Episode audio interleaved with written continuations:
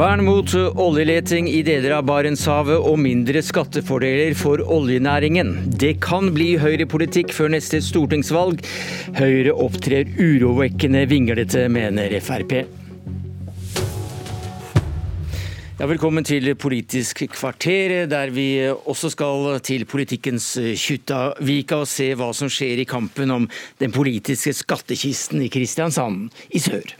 Men vi starter lengst i nord, i det nordlige Barentshav, der oljeselskapene mener at store olje- og gassforekomster kan befinne seg under havets dyp.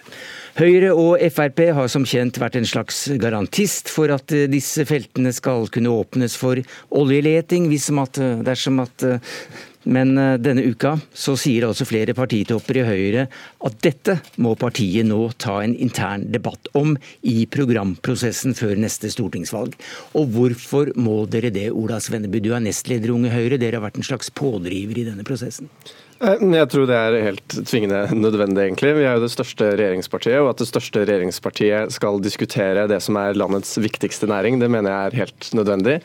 Og jeg tror Høyre har ganske godt av å diskutere utviklingen av ny politikk. At vi kan diskutere hva som er riktig for Norge, uten å ta hensyn til hva som er strategisk riktig, eller hva som, uh, ja, hva som er strategisk riktig, eller hva andre partier mener. Men at Høyre kan sette seg ned og tenke ok, hva er den rette politikken for Norge når vi skal gå til valg på å bli gjenvalgt i 2021. Og Det som da eventuelt er i spill, det er de nordlige områdene i Barentshavet, om det skal stenges for oljeleting.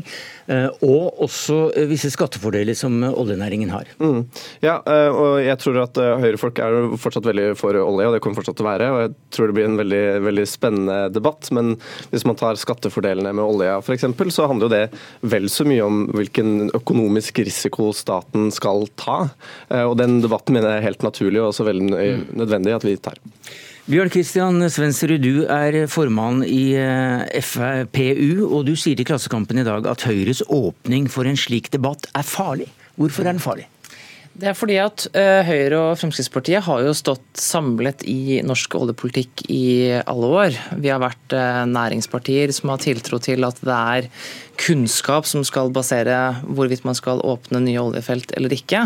Uh, og dersom det er sånn at Høyre skal styre politikken sin i større grad på følelser enn på kunnskapen vi får gjennom forarbeider til konsesjonsrunder, til forvaltningsplanene, Eh, og at vi, da, at vi, da, skal ha en, eh, en, helt annen type form for hvordan vi forstår disse områdene, det syns jeg er en farlig utvikling fra eh, som Ola sier, det største regjeringspartiet. Og det er jo et mm. farlig signal til, til alle de 225 000 oljearbeiderne vi har i Norge. Men det er nettopp fordi vi har 225 000 oljearbeidere i Norge at det er helt nødvendig at man også diskuterer olje. Det jeg mener er farlig for det som er landets desidert viktigste næring, og som også kommer til å være Norges viktigste næring i mange år, det er å lene seg tilbake og tenke, tenke at systemet i dag, leterefusjonsordningen fra 2005 f.eks., den er helt perfekt. Jeg mener det er helt nødvendig når man ser den, den teknologiske utviklingen man ser, eh, med flere elbiler, flere elfly, etter hvert elbusser osv., at at når etterspørselen etter olje vil komme, så må også ansvarlige partier med hodet på rett plass kunne diskutere hvilken økonomisk risiko staten skal ta når man f.eks. skal lete etter ny olje. Men dere er styrt av følelser, hører vi Frp, FPU sier? Nei, overhodet ikke. Og jeg syns jo litt den kritikken som kommer fra FPU, den, den, uh, det er jo den man ser av de litt med en gang så fort noen opp, åpner boksen fra i det hele tatt diskutere olje. Og det, det, er jo det man har gjort. Så får man med en gang tilsvar fra ganske mange partier, tidligere inkludert også mitt eget, eh, hvor eh, det først og fremst virker som om man bare er på jakt etter nye, eh, nye, nye stemmer i, blant de som jobber i industrien.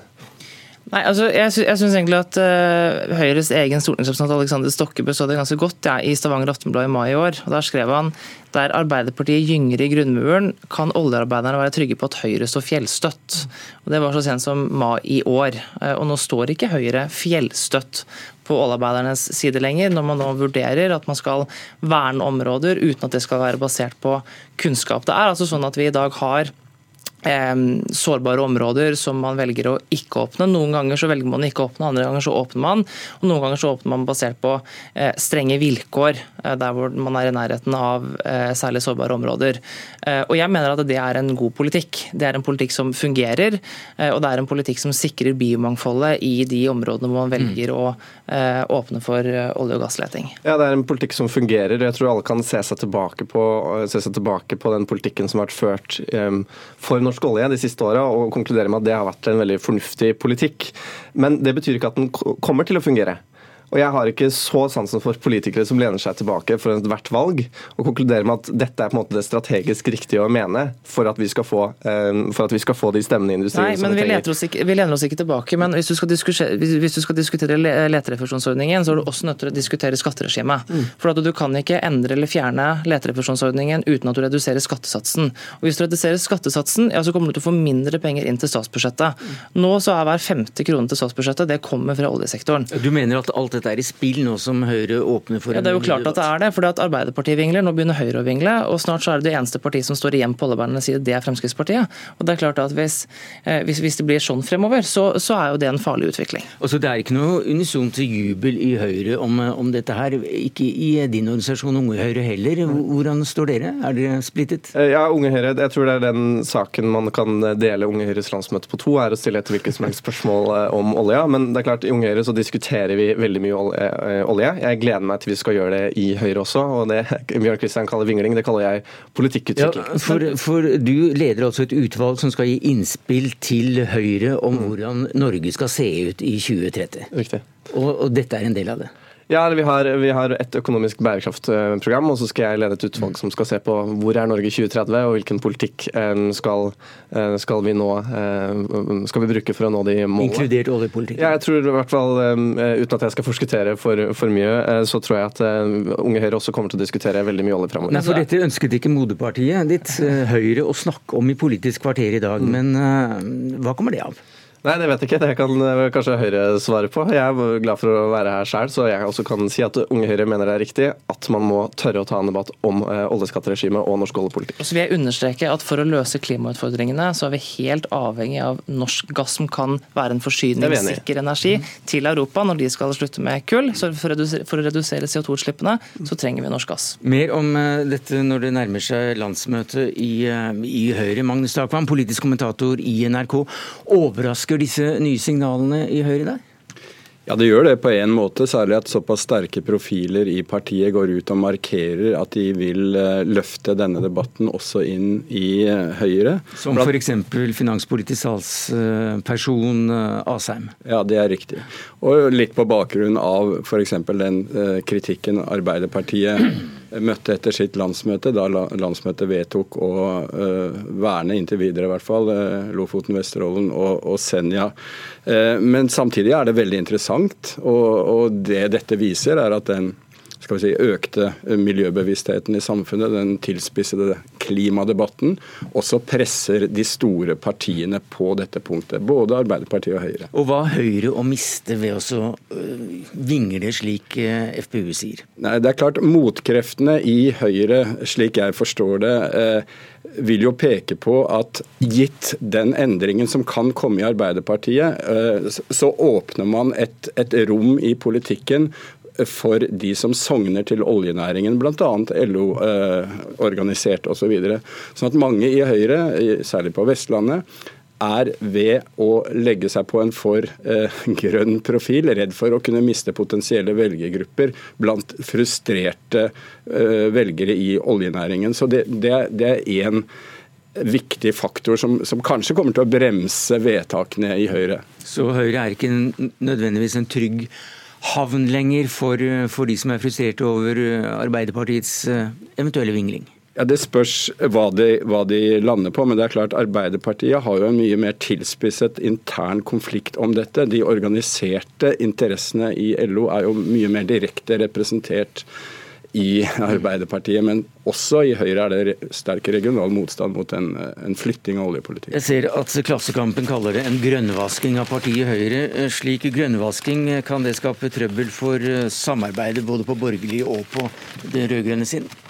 Ja, det vil jeg si. Vi hører jo Frp, eller FPU i denne sammenheng, da. Eh, eh, det er klart, Flytter Høyre seg betydelig i miljø- og klimapolitikken etter hvert, så presser det forholdet til Fremskrittspartiet. Vi har jo bare, Bompengesaken viste jo på en måte konfliktpotensialet i det.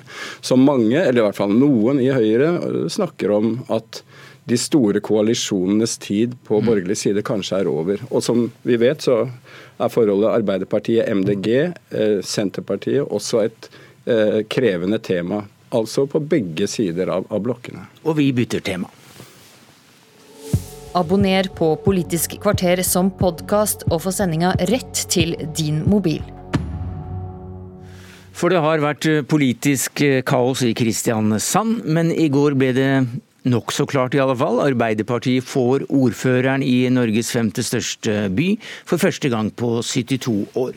Og dette skjer etter at fire utbrytere fra Demokratene støtter de rød-grønne, og etter at Senterpartiet sa takk, men nei takk, til ordførervervet i et borgerlig samarbeid. Og ganske kort, hvordan vil du karakterisere det som har skjedd i Kristiansand etter valget i september, Magnus? Et veldig viktig trekk ved valget er jo den fragmenteringen som har skjedd i valget i Kristiansand, og også eh, det aspektet som vi har eh, som kan kalle et protestvalg, der Demokratene og en tverrpolitisk eh, liste fikk 20% av stemmene. Det gjorde det veldig vanskelig å etablere et flertall, selvfølgelig, for, for en fløy. Og vi har opplevd splittelse internt i Demokratene og også i Senterpartiet i denne prosessen. Så det er et drama uten like. Og det spennende framover vil selvfølgelig være om Arbeiderpartiet og den rød-grønne fraksjonen klarer å få flertall for sine Eh, budsjett og vedtak framover i, i Kristiansand. Vidar Udhus, du er politisk redaktør i Federlandsvennen, den store regionale avisen. Hvordan vurderer du soliditeten i dette nye samarbeidet? Nei, det, det, tror jeg ingen tør ha sterke formeninger om. Det har jo vært en ellevill prosess eh, fram til nå, og spenninga er til en viss grad til stede også fram til bystyremøtet klokka 17 i ettermiddag, hvor det faktisk skal velges ordfører. Eh, alt tyder jo på, som du sier, at Skisland blir valgt til, til, ordfører, men det er usikkerhetsmomenter også. Eh, fire av de som utgjør flertallet på 36 mot 35, er altså utbrytere fra Demokratene. Hvis en av de skulle bli forhindra fra å møte, f.eks., hvem vil være vara, hva vil vedkommende mene om det samme spørsmålet, uklart. Så spenninga vil holde seg. Men eh, hvem som da vil fortsette samarbeidet videre ut i fireårsperioden, ganske uklart. For mm. dette er en veldig bredt sammensatt koalisjon. Men du, du nevner at, eh, at, det skal kun én person til for å vippe uh, dette systemet som nå ser ut til å etablere seg over. Det er jo konstituerende møte i, i, uh, i bystyret i dag. Uh, og vi vet jo, jeg har lest i din avis, at en av personene i utbrytergruppen fra Demokratene som nå støtter Arbeiderpartiet, ja, har valgt en annen side før også, brutt ut av, eh, av andre partier. Ja, Han har i tur og orden eh, vært medlem av og brutt, ut fra, fra, Høyre, Frp og nå Demokratene. Og, og, nå skal han altså være en del av dette grunnlaget som velger Jan Oddvar Skisland til, til, ordfører. Så det sier litt om, eh, om utfordringer som Jan Oddvar Skisland står, eh, står, overfor. Samtidig håper nok han at han etter hvert skal friste over andre partier mer i sentrum, som Venstre og KrF, og over til mer forpliktende politisk samarbeid. Men samtidig så har de ukene som nå har vært siden valget, de har også skapt en del vondt blod mellom enkelte politikere og enkelte partier. Så det vil nok i alle fall ta tid før dette går seg, går seg til i Kristiansandspolitikken. For Arbeiderpartiet blir på mange måter i Kristiansand valgets taper, mistet en tredjedel av, av, av stemmene. Demokratene var valgets vinner, men Arbeiderpartiet får makt, og Demokratene er foreløpig ute. Ja, så Det er et av de mange paradoksene her, at den store taperen eh, ser ut til å bli valgets vinner når det skal velges ordfører, og motsatt Vidar Kleppe, som jo var høyt oppe i nøyaktig fire uker etter valget, og hadde da en gruppe på ti representanter før fire av de da brøt ut. og Nå ser Kleppe sjøl ut til å stå nokså på bar bakke eh, politisk og innflytelsesmessig. Så det, det, er et av disse usikkerhetsmomentene. Nå er det jo 14 partigrupper i det nye bystyret som da skal eh, forsøksvis danne flertall, bl.a. for et budsjett i, i tida framover. Når kommer den første testen, eller en slags lakmustest på dette nye samarbeidet? Eh, om, eh, om bare et par uker allerede, for da legger rådmannen fram forslag til budsjett for, for neste år. og da, eh, da, får vi virkelig se hvordan, hvordan samarbeids, denne samarbeidsånden vil fungere i, i, praksis. Og disse fire utbryterne fra Demokratene de har sagt dyrt og hellig at vi støtter demokratenes politikk, altså ikke Arbeiderpartiets politikk. Så, så det blir ganske spennende å se her hva, hva som skjer framover. Følg med, følg med. Takk skal du ha, Vidar Rudius, politisk redaktør i den regionale storavisen Fedrelandsvenn. Takk til deg, Magnus Takvam, NRKs eh, politiske kommentator. Det var det vi rakk i Politisk kvarter i dag. I studio Sverre Tom Radøy.